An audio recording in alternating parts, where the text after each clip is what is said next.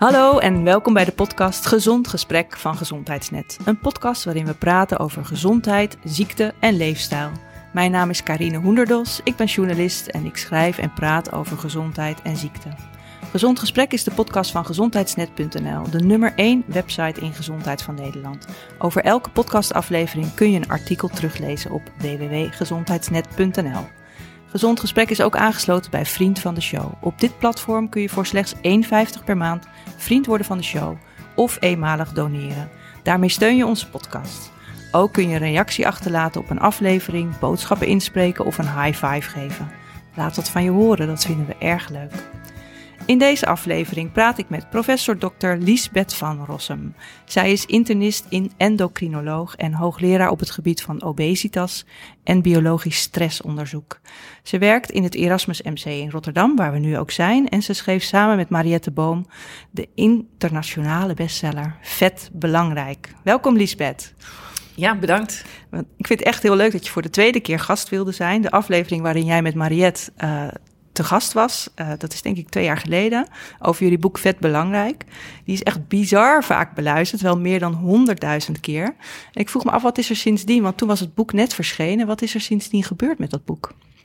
Oh ja, uh, nou, ik ben ook ontzettend verrast dat het, en, maar ook wel blij verrast dat het zo goed gelopen is. Want het was voor Mariette en mij echt wel de bedoeling om aan kennisoverdracht te doen. We dachten als wetenschappers en artsen van ja, er is zoveel bekend in de wetenschap. Dit moet gewoon eigenlijk iedereen weten. Het is belachelijk dat er, uh, dat, dat niet overkomt bij het grote publiek. Iedereen heeft gewoon recht om dat te weten ook. En ja, uiteindelijk, dit, boek is vertaald in, in allerlei talen. Inmiddels geloof ik elf talen. Dus in Europese landen, Frans, Duits, Spaans Spaans, uh, maar ook naar, gaat het nu naar het Chinees en het Arabisch. Dus Geweldig, dus ja. Dat zijn, uh, en ja, we hebben nu in Nederland daar de Women's Health prijs mee gewonnen. En in Frankrijk een literatuur publieksprijs. Dus kennelijk wordt het dan ook nog gelezen. Want dat, dat weet je natuurlijk helemaal niet of het gelezen wordt. Maar uh, kennelijk wel. En um, ja, recent een podcast opgenomen in de UK. Um, dus ondanks coronatijd, want er is heel veel afgezegd toen ook in die, ja. in die periode, uh, is het toch wel internationaal ook uh, ja, dus lijkt het gelezen doel, te worden. Jullie doel is bereikt. Jullie wilden meer, uh, meer kennis verspreiden over vet, het, het orgaanvet zoals jullie het noemen in het boek, zoals het ook is, een orgaan. En, en ja, volgens mij is dat dan dus gelukt met zoveel oplagen ja, en zoveel ja, vertalingen. Ik hoop het. Ja, ja, ik hoop dat mensen het met plezier lezen en ook echt daar, daar uh, wat met die kennis doen. Ja. Nou, voor mensen die uh, dat boek nog niet gelezen hebben, zou ik zeker zeggen: uh, ga het lezen of luister de aflevering terug waar we, waarin ik met Lisbeth en met Mariette praat over dit boek. Dan krijg je heel veel inzicht over het lichaamsvet en de functies die dat heeft in ons lichaam. En vandaag wil ik wat meer uh, toespitsen op uh, overgewicht en wat je eraan kunt doen. Wat de beste behandelingen zijn voor overgewicht. En jij zei vooraf al aan het gesprek van, nou, er is in die tijd, heb ik toch alweer nieuwe ideeën gekregen en is er toch alweer nieuw onderzoek. Dus ik ben heel benieuwd naar wat, er, uh, wat je voor nieuws je ook te vertellen hebt hierover. Lisbeth, op de website van het Erasmus Medisch Centrum staat er bij jouw profiel dat je medeoprichter bent van het Centrum Gezond Gewicht. En dat daar diagnostiek plaatsvindt van overgewicht en dat er behandelingen op maat worden gegeven. En ik wilde eigenlijk beginnen bij, dat, uh, bij die diagnostiek. Uh, trouwens, voor de luisteraars, als jullie af en toe zo'n sonor gebrom horen, dat is het Dijkzichtziekenhuis, wat zo'n beetje naast deze kamer wordt, uh, live wordt afgebroken nu. Maar als het goed is, kunnen we het gesprek gewoon volhouden. Um, maar we willen dus beginnen met de diagnostiek. Hè? En ik denk dat heel veel mensen denken: ja, diagnostiek van overgewicht. Uh, je gaat op een weegschaal staan en je bepaalt je gewicht. En dan weet je of je overgewicht hebt of niet. Volgens mij is dit een stuk uh, ingewikkelder dan dat. Klopt dat? Ja, dat klopt. En dat zit eigenlijk inderdaad aan de behandeling vast. Hè. Het is fascinerend toch ook hoe we bij heel veel ziekte eigenlijk, uh, wat we normaal doen, is dat we eerst gewoon goed uitvragen wat is er allemaal aan de hand. Uh, stel iemand zou uh, bijvoorbeeld kanker hebben, dan gaan we eerst kijken hoe we ook, nou ja, iemand heeft een tumor, hoe groot is die, is die uitgezaaid? En dan maken we een besluit. Gaan we chemotherapie geven, gaan bestralen of opereren? Ja. En wat doen we bij obesitas? Heel veel ook, ook artsen doen dat, um, maar ook mensen zelf. Denk, nou, ik weet het wel, ik moet gewoon minder, e minder eten, meer bewegen. Klaar, we beginnen met een behandeling eigenlijk, ja. waarvan je ook kan afvragen of dit de behandeling trouwens is. Um, en eigenlijk wat je moet doen is kijken wat bij een individu alle bijdragende factoren zijn en de oorzaken, omdat sommige daarvan kan je bijstellen, zodat een behandeling, welke je ook kiest, uh, op een gegeven moment meer effect zou kunnen hebben als je factoren weghaalt die in de weg staan. Ja, dus je zegt eigenlijk er wordt te weinig onderzoek gedaan bij mensen die uh, obesitas hebben, dus ernstig overgewicht hebben, voordat ze aan een behandeling beginnen. Klopt. Ja. ja. En welke, wat voor factoren zijn dat dan? Ja, je kan het eigenlijk grofweg indelen in zo'n zes categorieën, waarvan natuurlijk de leefstijlcategorie het meest uh, bekend is. Mm -hmm. En dat is ook heel eerlijk de meest voorkomende oorzaak. Dat is natuurlijk niet toevallig, want in de maatschappij waarin we leven worden we natuurlijk continu uitgenodigd om ongezond te leven. Hè. We, als we kijken naar de supermarkt, we eten natuurlijk ongezond en we bewegen te weinig, we zitten te veel, los nog van Alleen te weinig bewegen zit natuurlijk ook een risicofactor. Maar dat, dat zijn eigenlijk de bekende dingen. Maar als je dan kijkt van nog verder qua leefstijlfactoren, um, dan is het soms ook dat mensen chronisch slaaptekort hebben. Nou, daarvan krijg je bijvoorbeeld meer hongergevoelens. Dat is een hormonaal proces. Um, sommige mensen draaien bijvoorbeeld vanwege hun baan in, in ploegendiensten, dag-nachtdiensten. Nou, dat dat geeft ook een verstoring van je, je eetlusregulatiesystemen. Um, ook hoe laat je eet maakt uit. Hè. Maak je, uh, doe je, eet je s'avonds bijvoorbeeld om, om vijf, zes uur je avondmaaltijd... of eet je die om tien, elf uur s'avonds. Dat is ongunstiger, dat laatste. Uh, natuurlijk alcoholgebruik en, en ook wat ook een ongezonde leefstijl kan geven, is bijvoorbeeld uh, mensen die in armoede leven of financiële schulden hebben en helemaal niet bezig zijn met een gezonde leefstijl. Dat zijn allemaal factoren die je kan uitvragen in de categorie leefstijl, wat bijdraagt tot overgewicht. En nou, stel nou dat iemand inderdaad armoede heeft of, uh, of, een, of een, uh, een baan waarin je in ploegendienst moet werken, zou je dan eigenlijk eerst dat moeten aanpassen voordat je dat overgewicht succesvol kunt aanpassen?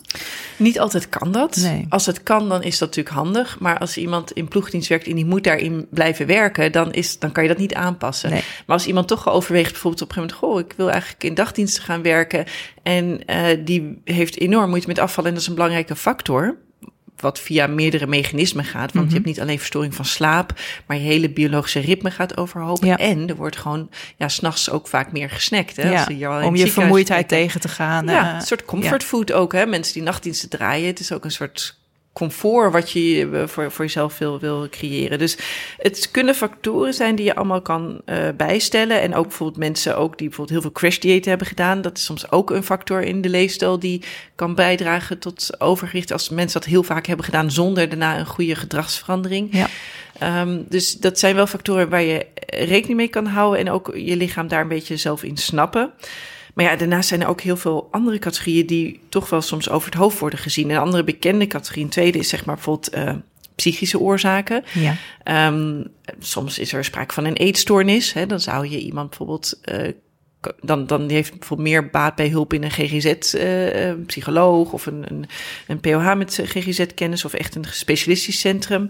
Soms um, een depressie. Sommige vormen van depressie gaan ook gepaard met, met, uh, met gewichtstoename. Overigens werkt het de andere kant op ook. We weten dat obesitas ook weer via allerlei mechanismen, hormonale verstoringen, meer ontstekingsstofjes, ook in het brein uh, veroorzaakt uh, dat, je, dat je meer depressieve klachten krijgt, die trouwens weer kunnen opknappen als je afvalt. Dus van depressie kun je aankomen, maar je kunt ook van overgewicht weer depressie ontwikkelen. Absoluut, okay. ja. En niet alleen omdat je somberder bent, omdat je er anders uitziet en vaker gestigmatiseerd wordt, zeg maar, maar ook gewoon heel biologisch, dat er bepaalde ontstekingsstofjes in dat brein zijn werking hebben, uh, waar in gebieden waar je emotie wordt gereguleerd.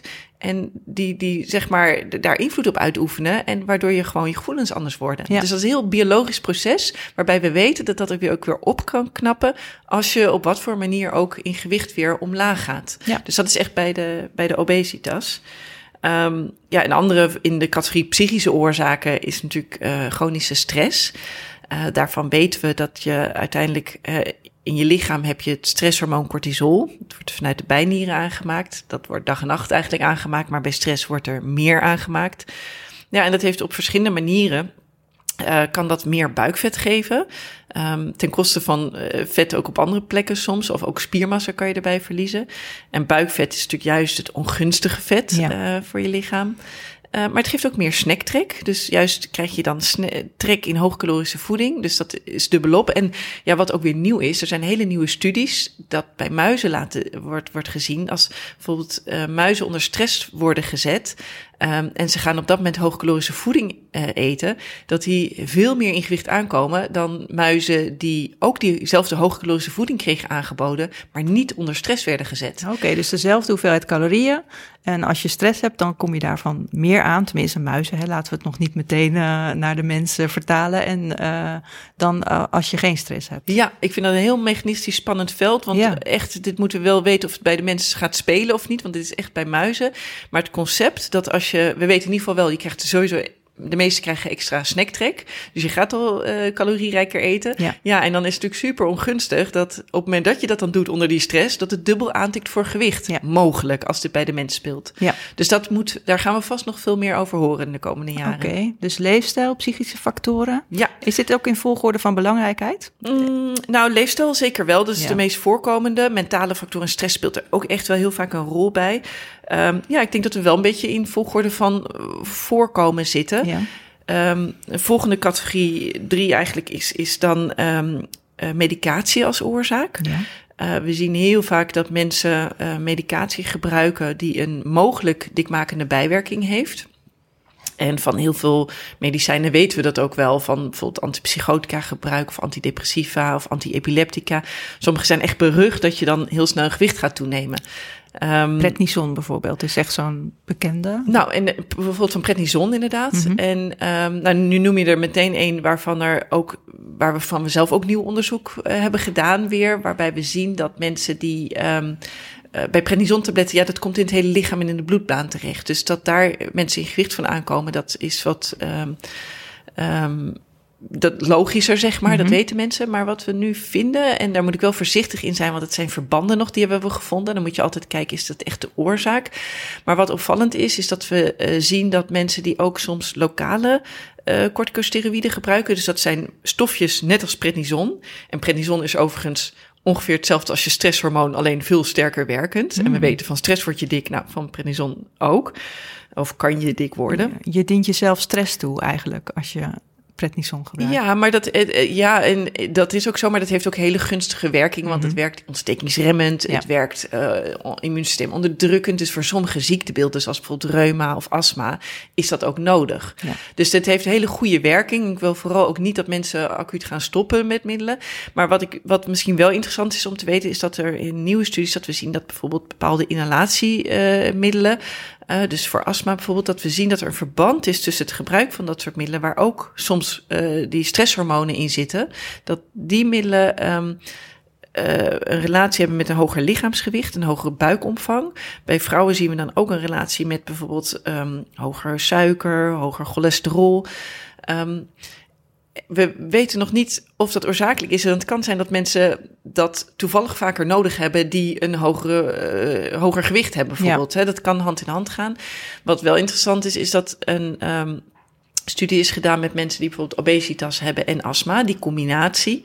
Dat de helft van die mensen bleek eigenlijk uh, niet echt een allergisch astma te hebben, maar meer een ander type astma, wat meer ontstekingsgerelateerd is. En waar soms dit soort uh, meer buikvet gerelateerd lijkt en waarbij gewichtsafname eigenlijk effectiever is dan dit soort middelen. Die hebben helemaal niet echt een hmm, indicatie ervoor. Ja. Dus los van of het bijwerkingen zou geven, is het sowieso zinnig dat er echt een longfunctieonderzoek wordt gedaan voordat dat soort middelen langdurig worden voorgeschreven. Ja, en dan met de gedachte dat het mogelijk wel ook tot uh, bij sommige mensen bijdragend kan zijn aan gewichtstoename. Aan overgewicht, ja. Ja, we zagen ook bij, als we kijken in onze eigen uh, mensen die we op ons spreker zagen met um, obesitas, dat ja, gemiddeld in de bevolking ongeveer 10, 11 procent gebruikt dit soort middelen. Um, he, of Gigantisch nou, veel. Heel veel. Er ja. zijn miljoenen recepten per jaar die worden voorgeschreven. Maar dat zijn ook crèmetjes, dat zijn ook uh, neusspray. Um, uh, de, het is, zit in allerlei vormen, zit het. Oogdruppels, oordruppels, van alles. Ja. Um, maar daar zagen we juist van dat bij mensen met obesitas meer dan een kwart van de mensen dit soort middelen gebruikten. Oh, okay. Dus het is altijd wel um, goed om te kijken, is de indicatie er echt en hoe lang is die? En even een plekje voor wat eczeem, een klein beetje crème erop. Voilà, dat zal niet zoveel zoden aan de dijk zetten. Maar op het moment dat iemand langdurig veel van dit soort middelen gebruikt, en bijvoorbeeld gewichtsafname lukt niet, dan kan het soms helpen om misschien dit soort middelen af te bouwen. Dat ja. zou, mm, als, als ze ook niet echt heel erg hard nodig zijn. Dus die afweging is altijd goed ook om je, met, met je dokter te bespreken als je dat soort middelen gebruikt. Ja. Ik denk hier gaat nog veel meer onderzoek over volgen, van onze groep van internationaal ook. Um, maar dat zijn dingen waar we steeds meer rekening mee moeten houden. Ja. Dus uh, dat is echt wel een belangrijke factor. Dus, dus als je stel dat je wil afvallen en je, je weet van jezelf, ik gebruik een uh, x aantal medicijnen, dan kan het slim zijn om naar je huisarts te gaan en te zeggen van, zijn deze medicijnen nog nodig? Ik slik ze al een tijdje en zou het kunnen zijn dat ze uh, mijn poging om af te vallen in de weg zouden kunnen Absoluut, zitten. Absoluut, ja. En andere bekende voorbeelden daarvan zijn ook dat bepaalde anti-hoge bloeddrukmiddelen hm. uh, dat kunnen geven. Nou ja, stel je gaat aan bijvoorbeeld je leefstijl werken, dan, uh, dan kan het vaak soms ook dat je die middelen wat verlaagt of zelfs stopt, omdat uiteindelijk gaat die bloeddruk dan, als je succesvol bent, gaat die bloeddruk ook mee omlaag. Ja. Dus we zien in de praktijk dat het vaak ook niet meer herstart hoeft te worden. Datzelfde geldt ook bijvoorbeeld met, met insuline. Er zijn ook mooie studies van, bijvoorbeeld een keer diabetes omprogramma waarbij met bepaalde voeding en, en leefstelinterventie natuurlijk insuline eerst ook wordt afgebouwd. Uh, want op het moment dat je heel veel insuline gebruikt, ja, dan houdt je lichaam natuurlijk, ja, hoef je jou niet te vertellen, maar dan houdt je lichaam natuurlijk je vet veel makkelijker vast. Dus dan kan je eigenlijk een soort van de wind meegeven uh, om gewicht te gaan verliezen. En je zal zien van sommige middelen, die hoeven daarna ook niet meer herstart te worden. Ja, nou, dus mooi. Dat, um, dat is uh, goed, uh, goed om over na te denken als ja. je overgewicht hebt en je wil gaan afvallen. Ja, ja ja, en dan komen we bij een andere categorie die eigenlijk ook wel heel veel voorkomt nog wel, zijn hormonale factoren. Ja. En uh, dan kan je denken aan gewoon ja, huistuin- en keukenfactoren die we allemaal uh, meemaken. Um, bijvoorbeeld bij vrouwen aan, aan de kilo's die na de zwangerschap blijven hangen. Hè. 10 tot 15 procent houdt zwangerschapskilo's vast. Dat de een verliest het heel makkelijk, de ander niet. Um, sommige vrouwen komen in de menopauze heel veel aan. Waarbij dat overigens ook een stukje gewoon uh, veroudering is. Het is niet alleen maar de hormonen die dan uh, veranderen. Um, bij vrouwen zien we ook vaak dat er een sprake is van een polycysteus ovarium syndroom. Komt best wel vaak voor. PCOS. PCOS, ja. -hmm. ja. Dan wordt er onder andere um, in de eierstokken, er wordt relatief veel mannelijk hormoon gemaakt. Vrouwen maken ook mannelijk hormoon, mm -hmm. ook testosteron bijvoorbeeld. Maar als vrouw maak je dat in de, in de eierstok en in de bijnier. De mannen maken dat in de testikel. Dat is dan wat eenvoudiger. Um, maar bij de vrouwen... Daar, dus mannen zijn eenvoudiger, ja. ja nou, dat, dat zijn niet mijn woorden. um, ja, en, en dat gaat ook vaak gepaard weer met insulineresistentie. Dus soms kan je daar ook weer... Dat PCOS apart, uh, gaat ja, vaak de, gepaard met de insulineresistentie. Ja, de PCOS gaat daarmee ook mee gepaard. En dan zie je vaak bij een heel groot deel van de mensen... Die, dat ze ook makkelijk in gewicht aankomen. Dus daar kan je soms ook specifiek met therapie wat op, wat op insteken... door bijvoorbeeld Want pielgebruik. bij insulineresistentie ben je minder gevoelig voor dat hormoon insuline... waardoor er meer insuline wordt aangemaakt door je lichaam. En insuline, dat... Uh, dat promoot de vetopslag uh, ja. in je lichaam. Ja, ja dat ja. zorgt ervoor dat, dat de vetcel echt het, uh, het vet eigenlijk vasthoudt en dat, dat je het niet zo makkelijk vrijgeeft. Ja. En dat je het juist gaat stapelen eigenlijk. Dus dat zijn eigenlijk uh, veel voorkomende oorzaken. Een andere veel, relatief veel voorkomende oorzaak is bijvoorbeeld een traagwerkende schildklier, waar, wat weer ook weer vaker bij vrouwen voorkomt dan bij mannen. Um, en iets wat bij mannen, wat we vaak zien, wat gepaard gaat met obesitas, is een laag testosteron.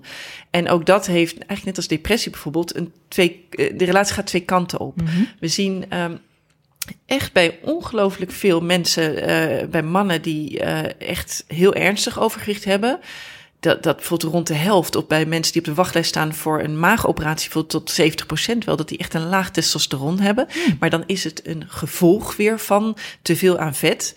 vet is een orgaan, nou, dat zeiden we al. Ja. Een heleboel hormonen raken verstoord. Onder andere wordt via verschillende wegen wordt gezorgd dat je uh, dat, dat, dat dat je testosteron laag wordt en relatief meer vrouwelijk hormoon hebt, maar ook via uh, leptine, een ander vethormoon, is er, zijn er ook mechanismen wat uiteindelijk allemaal leidt dat het testosteron laag wordt. En daarvan zien we dan ook dat als door wat voor reden dan ook het gewicht gaat verliezen, dat het testosteron weer opknapt. Maar in sommige gevallen is het zo dat, dat bijvoorbeeld mannen um, ook seksuele klachten kunnen hebben en een heel laag testosteron en waarbij bijvoorbeeld de productie om een andere reden te laag is. Bijvoorbeeld dat in de, uh, in de testikels niet genoeg productie is. Of dat vanuit hogerop, de hypofyse, dat is eigenlijk een kliertje wat onderaan de hersenen hangt. Wat een soort moederklier is, wat allemaal aansturende hormonen maakt. Nou, onder andere ook een aansturend hormoon wat tegen de testikels zegt, maakt testosteron. Ja, daar kunnen, uh, daar kunnen foutjes in optreden of ziektes in ontstaan, waardoor iemand uh, laag testosteron heeft. Ja, en dan kan iemand ook heel veel vet gaan stapelen en weinig spiermassa maken. Die mannen merken dan vaak ook, die kunnen wel in de sportschool zitten, maar het schiet niet op met de spiermassa. Mm. En als je dan testosteron bijgeeft, dan ineens geef je weer mee en kan iemand weer spiermassa ah, aanmaken oh, okay. en uh, verdwijnt vetmassa weer. En je zei seksuele problemen, is dat dan impotentie of zijn dat, is dat uh, onvruchtbaarheid? Wat is dat? Kan, kan, er is eigenlijk een hele waslijst, maar voornamelijk, ja, doet, ja, doet toch wel heel veel ook testosteron. Ja. Um, ja, en wat een van de dingen is toch ook dat, dat mensen dan bij je komen met een verminderd libido. Hm. Soms melden mensen dat ook niet spontaan, maar daar moet je toch wel naar doorvragen. Want überhaupt bij obesitas zijn veel seksuele klachten ook. Mensen hebben ook veel schaamte over hun lichaam. Maar het libido kan verlaagd zijn. Erectiestoornissen, de ochtenderectie die het niet meer doet bijvoorbeeld. En als dat, dat soort klachten bestaan, dan is het soms wel handig om testosteron een keer te bepalen. En als het dan extreem laag is, ja, dan kan het soms een oorzaak zijn. Dus dat, dat is er eentje. Ja, en dan heb je nog hele zeldzame vormen van... Uh, soorten die um, echt hormoonziekte. En dan heb ik het over het syndroom van Cushing. Dan hebben mensen extreem veel cortisol doordat er een knubbeltje in het lichaam, een tumortje zit in de bijnier of die hypofyse. Um, wat dan uiteindelijk zorgt voor heel veel cortisol. Nou, dat is heel zeldzaam. Ja, ik zie ze in het Erasmus MC, mijn spreekuur natuurlijk ja. juist wel. Uh, maar het wordt volgens mij ook in jullie boek besproken, Zo'n casus ja, van een vrouw die dat, uh, ja. die dat heeft. Ja, ja de, de, tijd tot diagnose is wel heel lang vaak, omdat het niet onderkend wordt. Omdat het zo zeldzaam is. Um, of een, iemand die een groeihormoontekort heeft. Uh, dus ja, soms heb je wel dat, dat er eh, schade is bijvoorbeeld aan die hypofyse... door bijvoorbeeld iemand die ooit een ernstig auto-ongeluk heeft gehad... en nooit bewusteloos is geweest. En ja, daar kan je een klap, daar kan je schade hebben op die hormoonklier. En dan kan van alles het niet meer doen. Ja. Dus dat is, ja, ik wil vooral niet iedereen daar nu het idee aan praten dat dat eronder zit. Maar dat is wel iets wat voor meer de zorgverleners in acht moeten nemen van, goh, soms zitten er nou eenmaal wel uh, zeldzame dingen onder. Of als iemand ooit bestraling op het hoofd heeft gehad, dan komt dat gewoon wel voor. Ja. En dat zit een beetje gelinkt ook aan de andere categorie, categorie 5 eigenlijk. Dat noemen we de hypothalame oorzaken. Dat zit ja, helemaal, dat is veel zeldzamer. En ook, uh, dus dat, dat gaat over de hersenen, denk ik. Ja. ja. Ja, dan hebben we het eigenlijk over ja, de hypothalamus. Dat is eigenlijk een heel erg belangrijk re regelcentrum um, in de hersenen.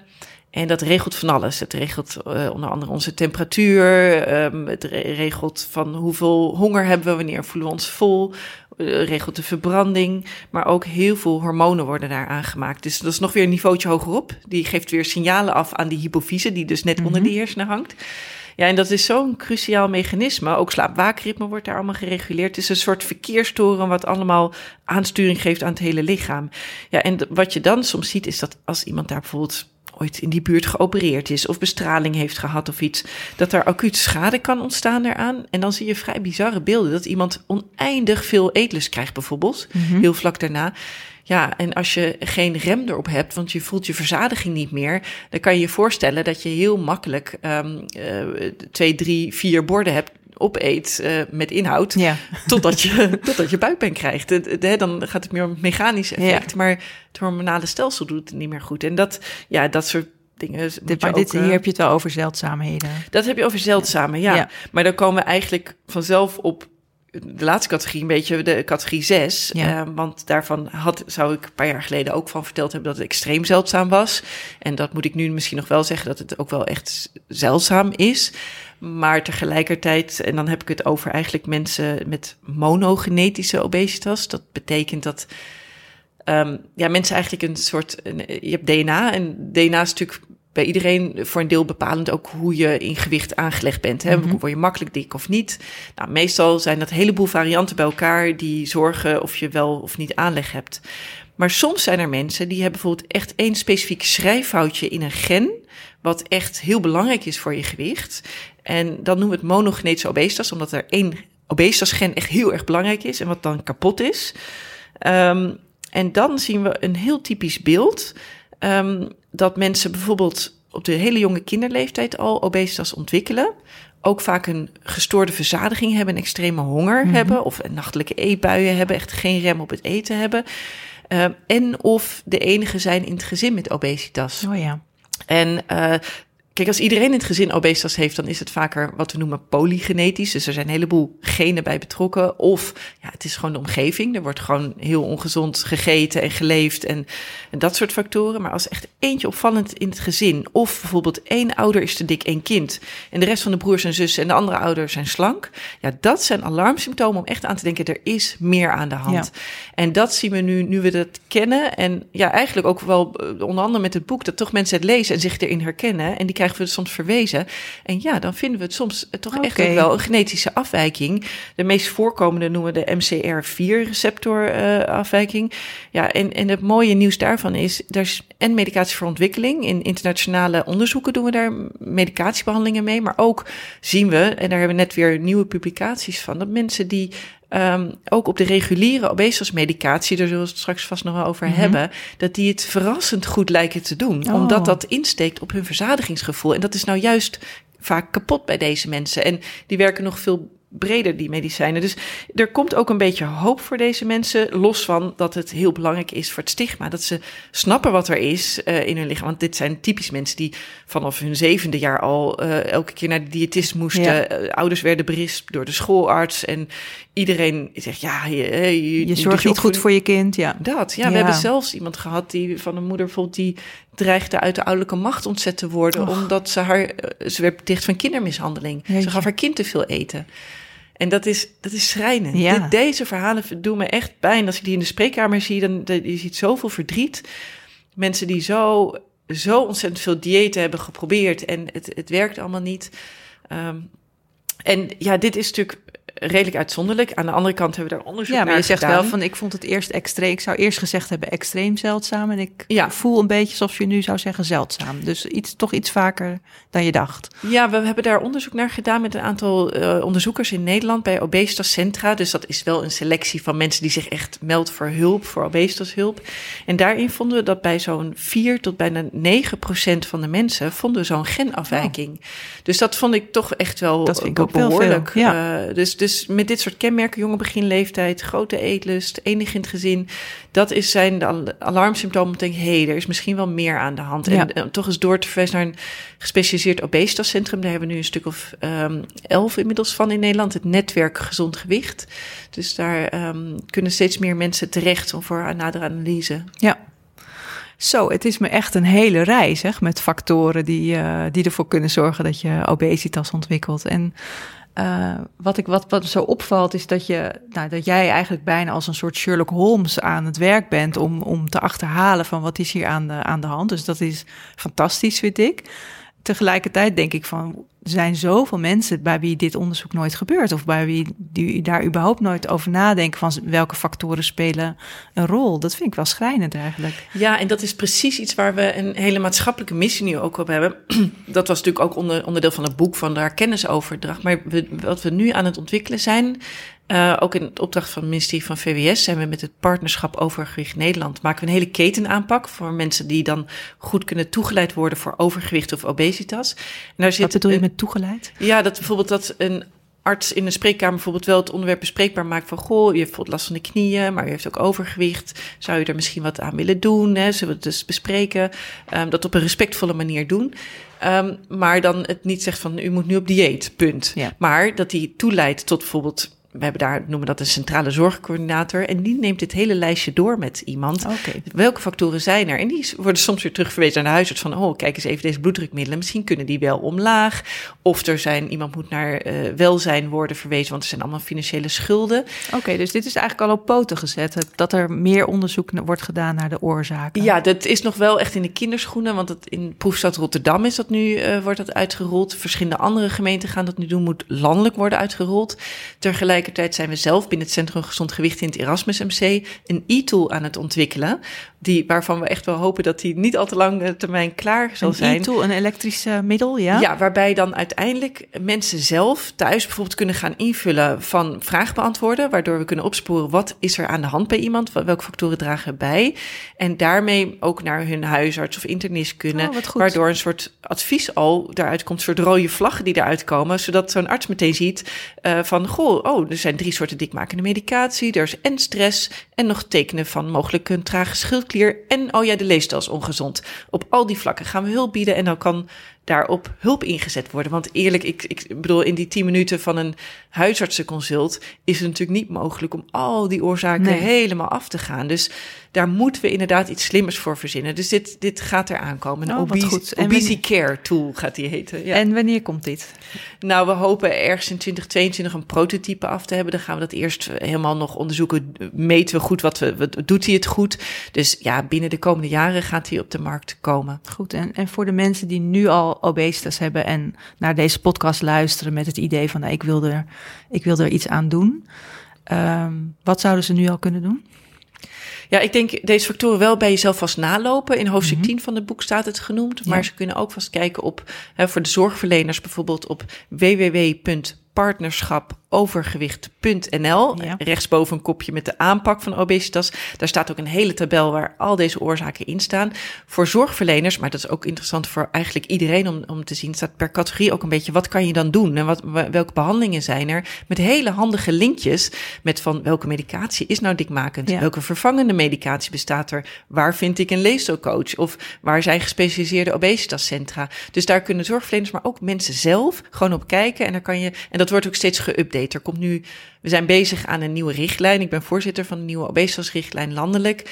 En uh, daar, daar eh, gaan we ook, uh, uiteindelijk als die uit is, gaan we ook alles weer blijven updaten. Dat die linkjes handig blijven en mensen kunnen zien hoe ze hulp kunnen krijgen. Ja, want dat is dan stap 2. Stel je bent, we hebben de factoren nu in, in beeld gebracht.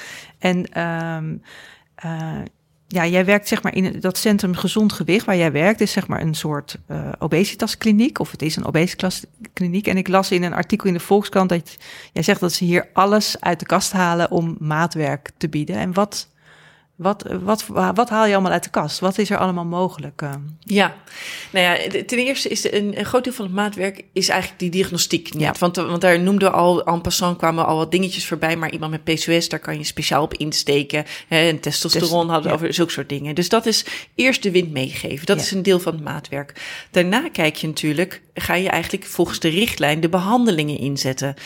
Um, en wat, wat de richtlijn eigenlijk zegt, en dat hangt een beetje wel vanaf van hoe hoog je gewicht is in, in verhouding tot je lengte, hè, je body mass index, maar ook welke bijkomende aandoeningen heb je. Hè. Er zijn ruim 200 bijkomende aandoeningen bekend van de obesitas.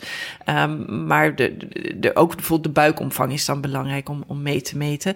Nou, op basis daarvan kijken we van eerste stap in de richtlijn is uh, bijvoorbeeld een gecombineerde leefstijlinterventie. Kijk, als iemand puur overgewicht heeft en er is nog niks bij aan de hand, kunnen vaak mensen zelf nog een heleboel doen. Hè? Dan is het gewoon inderdaad gezond eten, zoveel mogelijk gevarieerd en onbewerkt, uh, veel bewegen.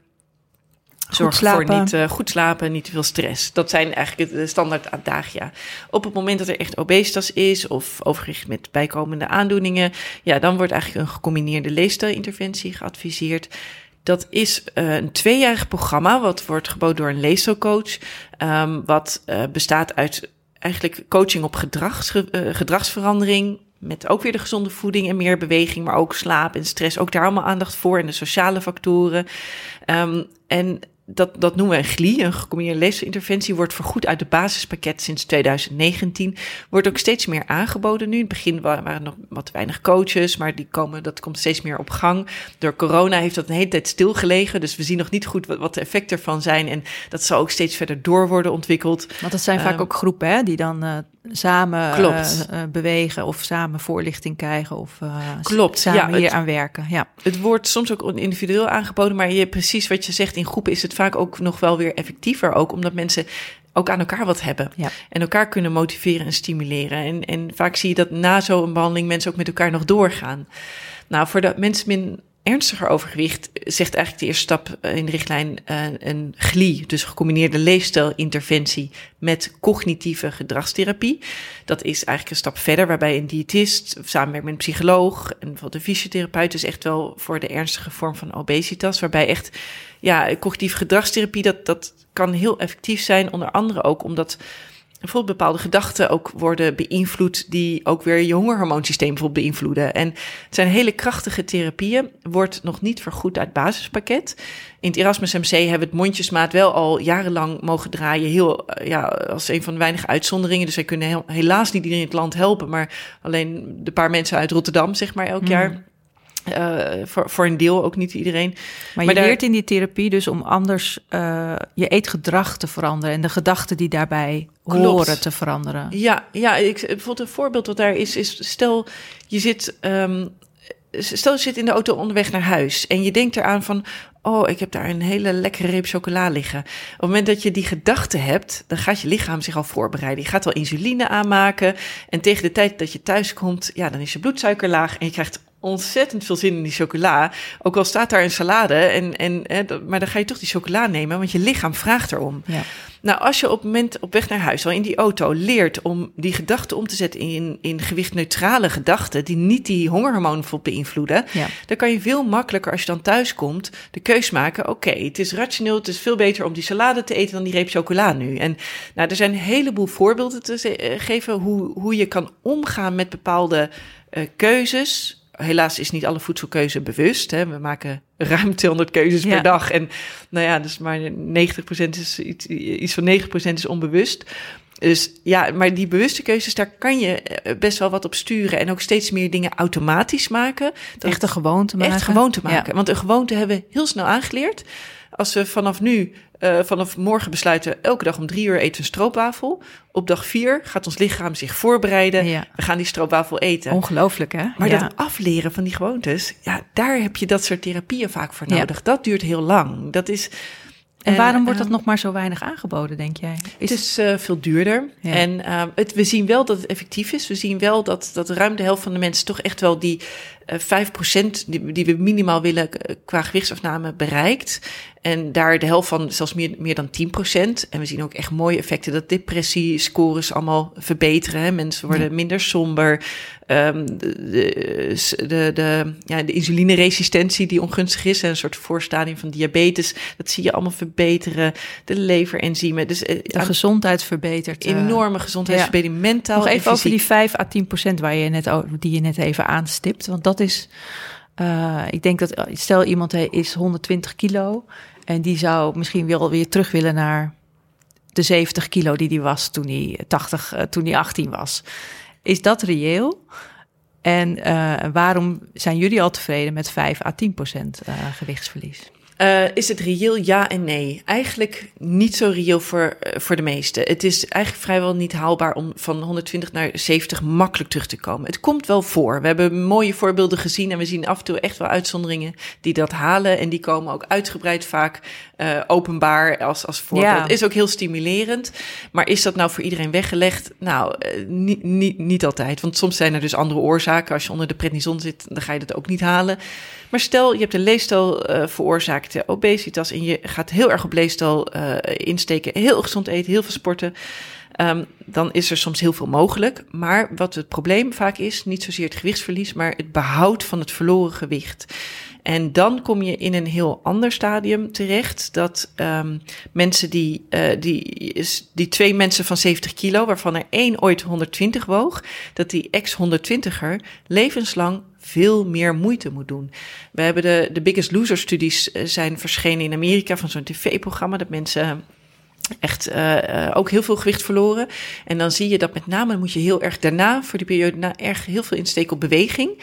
Nou, die mensen die het lukte om dat enorme gewichtsverlies eraf te houden, ja, die bewogen zo'n uh, 80 minuten per dag matig intensief. Dus flink brisk walking, hè, ja. of even doorwandelen. Of 35 per, minuten 35 minuten per dag hardlopen. Nou ja, ik vind dat bijna topsport. Ja. Zeker als het niet je hobby is. Uh, dus dat moet je en wel waarom is dat dan nodig? Waar, hoe komt dat? Dat, dat? dat je daar levenslang veel langer aan moet werken? Ja, dat heeft te maken met, en dat, daar komen we eigenlijk bij een heel belangrijk onderwerp, denk ik, dat obesitas echt een herprogrammering geeft van het lichaam. Het is ook gedefinieerd als ziekte, door, al heel lang door de WHO en de Gezondheidsraad. En pas dit voorjaar in 2021 pas door de Europese Commissie. En dat is niet voor niks. Ik, ik zou het is een vet is een orgaan het, dat wat kan ziek worden. En wat dat, dat, dat doet, is dat uh, de hele gewichtsbeheersings, die hele controle, die, die is uit balans. En uh, dan moet ik even schetsen hoe die normaal gesproken zit. Je hebt zeg maar normaal gesproken heb je zeg maar een ja je hebt in je, lichaam ja we hebben zo'n briljant lichaam eigenlijk je hebt gewoon een weegschaal in je lichaam wat laat zien uh, hoeveel vet heb je in je en dat doet onder andere het vethormoon leptine. Nou, dat, hoe meer vet, hoe meer leptine je aanmaakt. Dat zit in de bloedbaan, het gaat naar de hersenen. In de hersenen voelen dan, er zit een receptortje, een ontvanger voor leptine. En die voelt, oké, zoveel vet is er. Stel je zoveel voorraad is Zoveel voorraad is er. Dus gewoon inderdaad een soort thermometer van uh, hoeveel vet Wat zit er in de voorraadkast, ja. Precies, ja. ja. letterlijk ook, ja. zoveel energie heb je in huis. Um, nou, uh, en dan op, stel je gaat wat meer vet krijgen en je hebt wat meer leptine, dan komt er een signaal vanuit de hersenen terug van: oké, nu moet je even voedselinname remmen en je uh, metabolisme verhogen, je verbranding verhogen. Nou, dat, is, dat beschermt. So far, so good. Dus daarom blijven de meeste mensen toch, als je normaal uh, stabiel leeft, zeg maar, ook wel op gewicht. Gelukkig maar. Ja. En is het niet zo na één kerstdiner dat je meteen 10 kilo aankomt? Maar het probleem is dat als mensen um, echt obesitas hebben ontwikkeld, door wat voor reden dan ook, maar je bent in een staat van obesitas, dan doet dat hele mooie regelmechanisme doet het niet meer goed. Die leptine-receptor in die hypothalamus, dat regelcentrum in het brein, dat is ongevoelig geworden. We noemen dat leptine-resistent. Dat betekent dat dat signaal leptine in het brein, uh, het wordt wel aangemaakt, je hebt wel heel hoog leptine, maar het wordt niet gevoeld. Dus dat hele mooie terugkoppelingssysteem van remmen van, eh, van je, eten, eten en stimuleren verbranding mm doet het niet meer. Dus eenmaal obese stimuleert je lichaam je steeds verder in gewicht aan te komen. Dus die, diegene van 70 kilo, die X120 was, dat lichaam zal elke keer terug willen naar het oude, hogere gewicht. Het zit nog iets complex in elkaar, want er zijn nog meer stoffen bij betrokken. Maar het principe dat obesitas wordt internationaal ook genoemd een chronic relapsing disease, een chronisch terugkerende ziekte. Je kan het in controle krijgen door heel erg veel moeite te doen en bijvoorbeeld heel erg gezond te gaan leven. Of andere behandelingen daarvoor te geven, die daar een soort reset van geven. Maar als je er helemaal niks meer aan doet, dan zal het lichaam graag teruggaan naar het oudere, hogere gewicht. En daar aandacht voor hebben, snappen dat dat zo werkt, dat zou ook ons allemaal helpen om mensen met obesitas niet zo te veroordelen. En dat het niet allemaal karakterzwakte is en slapte, dat het niet lukt om af te vallen. Ja. En hoe kan het dan dat eh, als je 70 kilo bent, ook al was je eerst 120 kilo, dan ben je toch 50 kilo kwijtgeraakt. Dus ook heel veel vetmassa kwijtgeraakt. Maar toch, dat leptinesysteem, dat blijft ontregeld. Ook al ben je gewoon weer op een gezond gewicht. Dat, en hoe, is al bekend hoe lang dat zo blijft dan? Na het afvallen? Of is dat echt forever and ever? We weten niet goed of dat ooit herstelt nog. Dat, dat, dat weten we eigenlijk niet goed. En ook, het, is nu, ik haal er nu één heel belangrijk hormoon mhm. uit. Het is vast nog veel ingewikkelder. Maar precies, er zijn natuurlijk heel veel van dit soort hormonen. Dus je hebt echt een, een regulatiesysteem wat gewoon echt beschadigd is geraakt. En dat, dat, dat kan je wel resetten. Maar daar heb je dus die obesitasbehandelingen voor nodig. Ja, oké. Ja, maar goed om te weten inderdaad. Dat het, uh, dat het eigenlijk het echte werk pas begint op het moment dat je, dat je bent afgevallen. En is, het, is het ook daarom dat jullie die uh, dat jullie de lat zeg maar niet zo hoog leggen op 5 à 10 procent? Nou ja, dat, eh, dat is enerzijds een beetje verwachtingmanagement. Um, maar aan de andere kant weten we wel dat als je, dat, dat is eigenlijk heel gek ook, hè, dat, dat als je bijvoorbeeld obesitas hebt en je valt maar 5 procent af, en dan heb je heel vaak nog steeds obesitas. Maar dat je wel ziet dat mensen aan alle kanten dus gezonder worden. En dat is denk ik heel goed en hoopgevend nieuws. Dat, dat gezond leven, sowieso, ook al hou je obesitas, dat dat nog steeds echt heel gunstig is. En ook voor je immuunsysteem zagen we dat er mooie verbeteringen zijn. Je suikerregulatie, risico's op allerlei ziekten.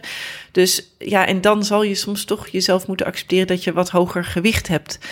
Um, en ja, mensen die toch verder willen afvallen, ja, dan, dan, zou je, dan kom je in de richting van anti-obesitas medicijnen of een maagoperatie soms, afhankelijk van je gewicht. Zullen we het daar eens over hebben? Over de medicijnen als eerste. Van wat, wat is er nu uh, te koop en wat verwacht je in de toekomst? Ja, te koop, dat verwoord je meteen goed eigenlijk. Want helaas, ze worden niet vergoed. Oh. Um, en dat vind ik nog een dingetje. Want um, ik vind ook, je moet natuurlijk niet als eerste behandeling een pil gaan geven of een spuitje voor obesitas. Dat vooropgesteld. Want al dit soort behandelingen zijn aanvullend op gezonde leefstijl. Maar ja, heel reëel, niet iedereen zal met een gezonde leefstijl ook echt uh, een, een, gezond gewicht bereiken. Dus het is aanvullend op eerst gezonde leefstijl. Nou, als dat onvoldoende werkt, dan kan je bijvoorbeeld medicijnen uh, gaan gebruiken. We hadden al jarenlang hadden we de Orlistat. Dat is eigenlijk dat remtje vetopname vanuit de darmen. Maar ja, daar zag je toch best wel heel veel bijwerkingen van. Bijvoorbeeld veel winderigheid of diarree. En en het was ook niet zo heel effectief. Dus uh, mensen gebruikten dat eigenlijk heel weinig. En mensen, eh, ook, ook mijn collega's schreven het ook heel weinig voor. Ik eigenlijk zelf ook. Um, maar sinds 2020 zijn er twee, uh, in Nederland twee nieuwe uh, obesitasmedicijnen op de markt. Um, en die schrijven we nu wel veel voor. Um, een daarvan is um, liraglutide, 3 milligram. De, de merknaam is dan Saxenda. Um, dat middel was al bekend eigenlijk uit de diabeteswereld, maar dan in een lage dosering. Dan heet het ook anders. Dan de, die liraglutide in die lage dosering heet dan Victoza. Dus sommige mensen herkennen dat misschien van hun diabetesmedicijn. Nou, in de hoge dosering, dan zien we dat, um, dat zo'n nou, 63% van de mensen die 5% gewichtsafname bereikt. En een deel zelfs ook wel 10% ook. Bovenop wat je al met leefstijl kan bereiken. Mm um, het is een spuitje, het kost rond de 150 euro in de maand. En wat dat doet is eigenlijk dat het, uh, het, het is een GLP-1 uh, analoog noemen we dat met een mooi woord. Het is eigenlijk een darmhormoon, wat normaal gesproken ook in je eigen lichaam aanwezig is, maar vaak verstoord is geraakt. Dat geeft onder andere een verzadigingsgevoel een signaal af aan je brein van nu zit ik vol. Het remt ook de maagontlediging. Het helpt heel goed bij de uh, uh, glucose, de suikerstofwisseling, om die gunstig te zetten. En daar zie je heel veel effecten van, dat ook de bloeddruk, de suiker, cholesterol ook er allemaal mee kan verbeteren. Maar ook echt wel dus gewichtsafname kan geven. Um, het, het werkt ook een beetje ontstekingsremmend, dus het heeft hele brede effecten. Wat hier ook heel interessant van is, is dat we verwachten in 2022 het zusje hiervan op de markt. En dat is echt wel nog een, nog een mooiere verbetering. Want dat, dat heet de semaglutide. Uh, dat is ook wel het nieuws geweest niet zo lang geleden. Ja. De, de, hoge dosering, de 2,4 milligram, is voor obesitas. Ook daarvan heb je een lage dosering, de 1,0, die al voor diabetes op de markt is. Maar de hoge dosering is dan nog niet vergoed. Maar die komt eraan en die is echt spectaculair wel hoor. In de zin dat 86% van de mensen 5% of meer gewicht verliest. En een derde zo. wel 20% gewichtsverlies. En dan kom je al een beetje in de range wat je kan verwachten van een maagoperatie. Ja. En om dan even nog meer hoop te schetsen voor de toekomst, zijn er nog nieuwe middelen in onderzoek. Die het stuk voor stuk zelfs nog winnen van deze semaglutide. Dus tussen nu en vijf jaar gaat het landschap van obesitasmedicijnen er echt heel anders uitzien. En komen er veel effectievere middelen. Um, maar, maar, stel dat je dit nu hoort als, uh, als luisteraar en je denkt, oh, er is dus al wat. Er is al wat. Waarom ja. krijg ik dit niet voorgeschreven van mijn arts? Of ja. Nou ja, dat... en er is nog een middel dat we misschien even moeten ja? benoemen ook. Want, want ja, waarom het niet wordt voorgeschreven is... één, er is nog heel veel onwetendheid over. Het, wordt, het moet door internisten worden voorgeschreven... die natuurlijk eerst de obesitaskennis moeten hebben... die diagnostiek eigenlijk horen te doen. Ja. Um, en het en, is hartstikke duur. En het, het is duur. Ja. En er is nog een tweede middel wat wel op de markt is... Dat is een combinatie van twee stofjes. Ene heet naltrexon, dat komt een beetje uit de verslavingszorg. De andere is bupropion. Uh, dat is eigenlijk van origine een antidepressivum. En het, het bijzondere is, als je die twee bij elkaar voegt in een bepaalde concentratie, blijkt dat een, gewichts, uh, een, een gewichtsreducerend middel. Dus je kan ervan afvallen. Het is ook zo geregistreerd. De merknaam daarvan is dan MySimba. Nou, als je dan dit soort uh, middelen gebruikt, die, die stofjes zijn dus al heel lang op de markt. Dus we weten ook dat de, van de veiligheid. Dat vind ik zelf altijd prettig, want ik ben zelf nooit zo van de nieuwe middelen voorschrijven. Ik wil eerst altijd de veiligheidsaspecten goed ja. zien. Um, nou, dat is een tabletvorm. Kost ongeveer 100 euro in de markt. Het is ietsje minder effectief dan de liraglutide. Um, ongeveer 55% haalt die 5% gewichtsafname. En sommige mensen dus ook wel 10% of meer. Um, bij beide middelen zie je wel dat, dat er best wel veel bijwerkingen zijn. Met name heel veel maag-darmbijwerkingen, die vooral in het begin ook kunnen optreden. Hm. Uh, die zijn, gaan vaak voorbij, maar er zijn ook mensen die er niet goed tegen kunnen moeten stoppen. Ja. Wat we altijd bij beide middelen eerst doen, is eerst de maand opbouwen dan drie maanden volledige dosering. Dan kijken we, haalt iemand die 5% gewichtsafname of niet? Als iemand het haalt, dan gaan we ermee door, want dan is het effectief. Mm -hmm. Maar werkt het niet, dan stoppen we het ook weer. Dus dat, en dat is denk ik wel hele efficiënte zorg. Want ja, bij bloeddruk zien we heel vaak andere dingen. Hè? Dan iemand krijgt een bloeddrukmiddel. eindeloos uh, ja. dat doorslikken. Werkt het? Nou ja, ja, maar ook werkt het niet, dan geef middel 2. Werkt dat nog niet voldoende, geef een derde middel erbij. Dan werken we heel anders. Maar in dit geval denk ik dat het mooie is dat je um, echt op het gewicht insteekt. En omdat gewicht zelf tot zoveel andere ziekten kan leiden. Want eigenlijk, als je erover nadenkt, wat we nu heel vaak doen natuurlijk, is obesitas accepteren hoe het is. Iemand gaat even op dieet, nou dat heeft dan weer niet gewerkt, want de rest is allemaal niet aangepakt. Het is maar heel één stukje van de hele grote puzzel. En um, Nou, vervolgens wachten we dan totdat er een hartinfarct ontstaat of kanker. En dan gaan we uh, dotteren, dan gaan we chemotherapie geven. Dan is heel veel gezondheidsleed al geleden, maar ook heel veel kosten gemaakt. Het is eigenlijk heel raar hoe we dan niet de obesitas zelf aanpakken. Omdat je en komt dat omdat we het dan uh, toch nog niet genoeg zien als een ziekte? Denk het wel. Er is echt wel toch nog steeds van ja, je moet het gewoon zelf kunnen. Je moet gewoon zelf kunnen afvallen. Uh, en ja, tuurlijk kan je een deel zelf heb je in de hand. En ik wil ook echt iedereen wel motiveren om wat je zelf kan doen. Doe dat alsjeblieft. Uh, heb een goed ritme. Eet gezond. Uh, doe daar alles aan wat je kan. Maar als het dan niet genoeg werkt, dan kan, moet je doorpakken en niet wachten totdat er um, ziekte echt, ontstaat. Echte ja. problemen ontstaan. Ja, nou, ja en, dat vind ik wel een belangrijke boodschap. Ja, je, ja. En, en daarin speelt denk ik, en daar moeten we ook um, de maagoperaties wel in noemen. Want die zijn natuurlijk ook heel erg effectief voor mensen die echt heel ernstig overgewicht hebben. Ja. En daar kunnen daar ook enorm baat bij hebben. Dat als iemand echt heel hoog BMI heeft, ja, iemand bijvoorbeeld met een BMI van 50 of 60, daar weten we vooraf al dat het niet gaat lukken met alleen maar leefstijl. Het blijft wel de basis. Je moet er wel mee beginnen. Het moet goed zijn, want mensen komen na een operatie heel vaak ook anders weer aan. Um, maar daar heb je soms dat soort ingrepen nodig. En dat zijn ook een soort van hormonale therapieën eigenlijk voor een deel. Want het is niet alleen maar de maagverkleining zelf of de bypass die zorgt dat je alleen maar minder kan eten ook die darmhormonen die belangrijk zijn voor de verzadiging, die veranderen erdoor. Dus het is ook een stukje reset van dat kapotte systeem, hè, die terugkoppeling naar je brein van het, eh, het verzadigingssysteem doet het niet meer.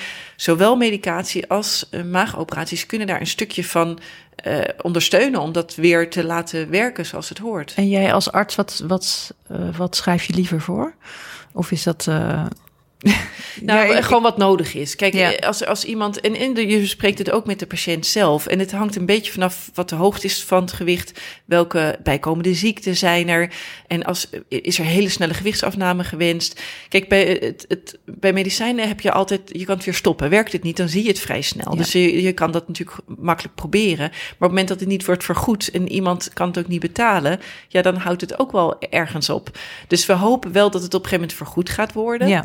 Uh, en het is natuurlijk wel een beetje krom dat wel de operatie vergoed wordt, maar niet de medicijnen. Ja, ik denk dat je beide dingen naast elkaar nodig hebt. En we zien ook mensen soms terug die geopereerd zijn en desondanks weer zijn aangekomen. En sommige van die mensen kunnen ook um, baat hebben, bijvoorbeeld bij deze medicijnen. Ja, oké. Okay. Wow, nou, er is gelukkig ook weer heel veel mogelijk. Um, nog eventjes over, um, um, ja, over jullie kliniek en jullie aanpak en het maatwerk.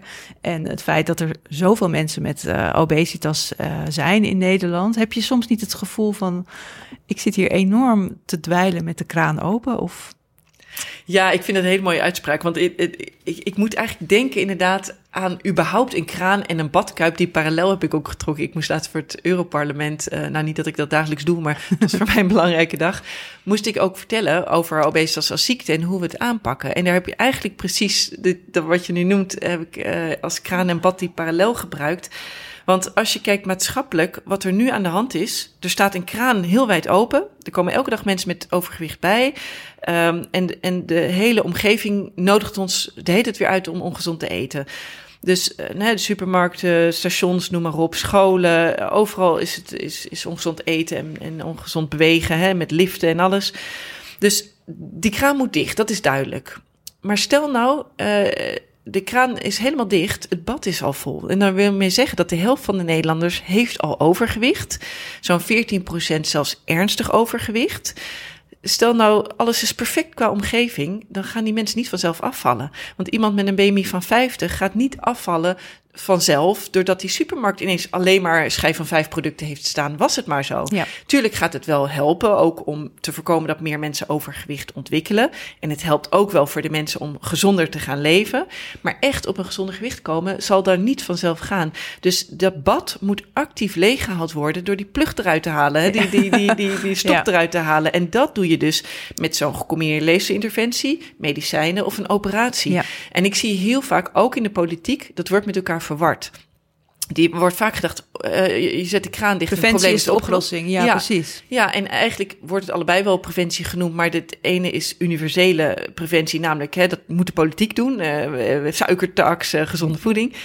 En dat wat we in de zorg doen, dat noemt, wordt ook wel zorggerelateerde preventie genoemd. Dat is gewoon die behandelingen. En daar hebben we echt in ons eigen gezondheidszorgsysteem en bij de hulpverleners ook echt ook nog een wereld te winnen. En het zou wel helpen als mensen dat bespreekbaar maken met hun arts van goh, en er zijn nieuwe medicijnen en dit is de richtlijn. En ja, dat zou Waarom heeft u nog nooit gevraagd naar mijn medicijnen die ik uh, gebruik? Of waarom kijkt u niet naar mijn stress of wat dan ook? Ja, ja en ik denk dat het hoeft allemaal niet in verwijtende sfeer. Maar als je dat in samenspraak doet en daar uh, jezelf in verdiept, je kan een hele hoop ook zelf aan kennis ja. opdoen met die website die ik net noemde of hoofdstuk 10 van het boek. Um, dan kan je zelf al goed geïnformeerd uh, daar komen. En, en dan kan je zelf ook veel meer doen. Ja. En ja, heel eerlijk, het zat ook niet in de opleiding tot geneeskunde. Er zit eigenlijk vrijwel niks over obesitas. Echt mondjesmaat en ook niet over leefstijl. Dat zijn we nu pas in die, in die opleidingen er, erin aan het zetten. Dus ja, de dokters die nu zijn opgeleid, dat, daar, dat, dat, is, dat is ook een achterstand. Ook niet alles was bekend in die tijd. Nee, en, en de ontwikkelingen gaan natuurlijk ook heel snel op dit gebied. Dus, Absoluut, uh, ja. ja. Ja, dat is nieuw. Dus jij bent echt voor een tweesporenbeleid. Aan de ene kant preventie.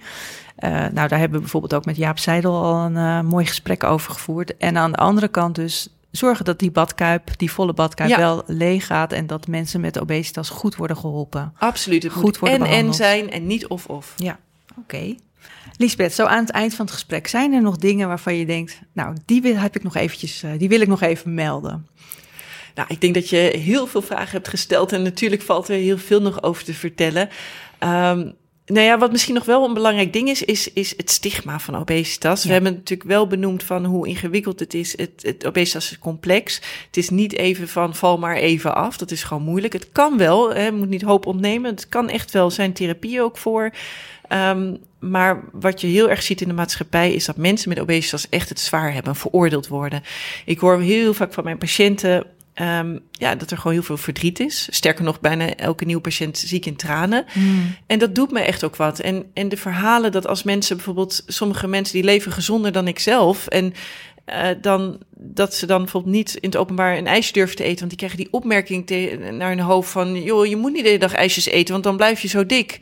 En dus die van alles niet meer durven en doen, maar ook uh, ook zie je toch wel ook uit onderzoek blijkt dat mensen bijvoorbeeld minder kans hebben op een goede baan of een leidinggevende functie. En dat ook in de gezondheidszorg mensen gewoon minder goede zorg krijgen. Ja. En dat vind ik echt schrijnend. Dat soms mensen waarvan ik weet dat ze echt van alles aan het doen zijn. En soms hebben ze ook onderliggende oorzaken, maar zelfs al heb je dat niet. He, ook al heb je door leefstijl obesitas, dan nog vind ik, we mogen daar niet op het gewicht veroordelen. Nee. En als je kijkt in de maatschappij, is gewichtsdiscriminatie een van de laatste vormen van sociaal geaccepteerde discriminatie. Over geloof hebben we het over, over geaardheid. En dat is allemaal niet goed. Um, en daar moeten we gewoon discussie over hebben. Maar over gewichtsdiscriminatie hebben we het niet eens over. Dat is heel onbewust. En dat gebeurt bij heel veel mensen. Um, dat ze toch mensen veroordelen als zijnde lui en niet gedisciplineerd en daar allemaal karaktereigenschappen aan toeschrijven. Het lijkt me ook een extra stressfactor die, uh, die het daardoor mede ook weer in, uh, in, in uh, Klopt, ja. in stand houdt. Nou, dat, dat, dat blijkt ook inderdaad uit onderzoek wat je zegt. Want, want er zijn studies gedaan dan, naar bijvoorbeeld groepen mensen die obesitas hadden, waarvan de een zich gediscrimineerd voelde op basis van gewicht, de ander eigenlijk niet. En dat die mensen die zich gediscrimineerd voelden, terwijl het gewicht hetzelfde, mm-hmm. dezelfde hoogte had, die had bijvoorbeeld meer van het stresshormoon cortisol. Ja, en daar hebben we het over gehad. Ja. Dat geeft meer snacktrek en meer gewichtstoename. Dus je, ja, het zou zomaar kunnen bijdragen dat dat discrimineren, dat dat nog leidt tot nog verder uh, uh, gewichtstoename of belemmeren van afvallen. Ja, en nu en, was toevallig volgens mij gisteren in het nieuws dat mensen met overgewicht en obesitas zich. Uh, uh, zich meer tevreden gaan voelen met hun gewicht. Dat ze het meer gaan accepteren. En dus dat, dat die trend er ook is. Wat vind je daar dan van? Ja, daar ben ik dubbel in. Want ik vind het enerzijds echt wel heel belangrijk dat mensen tevreden soms moeten zijn met gewicht. Want als je er van alles aan hebt gedaan, stel je bent van body mass index 41 naar 38 gevallen uh, gegaan, wat al echt wel gezondheidswinst is en het gaat gewoon niet verder, dan is het heel fijn en goed dat mensen zichzelf accepteren en daar tevreden mee zijn. Dat doet ook heel goed de body positivity beweging. Van hey, ja. het is soms zo, je le leer leven met, met obesitas en we zijn de moeite waard. Dus daar, dat steun ik heel erg. Wat ik daar iets uh, wel de negatieve kant van vind, is dat soms de gezondheidsrisico's uh, van worden uh, niet worden onderkend, alsof het niet erg is, medisch gezien. Ja. En dan denk ik, het is niet of-of, het is en-en. Ja, we moeten steunen en we moeten niet stigmatiseren.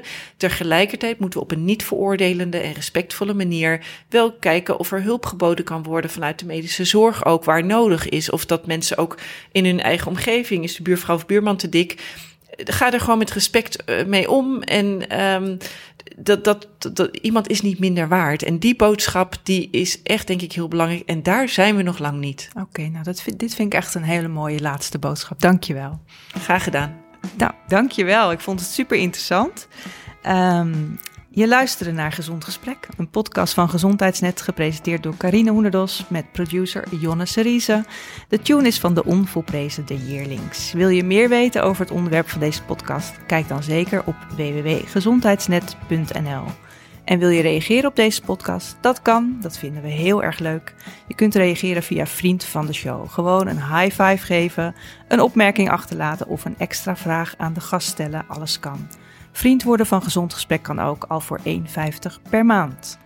We zijn verder heel blij als je deze podcast deelt op bijvoorbeeld Twitter, Instagram of Facebook. Dan kunnen meer mensen onze podcast vinden. Tot de volgende keer. Tot het volgende Gezond Gesprek.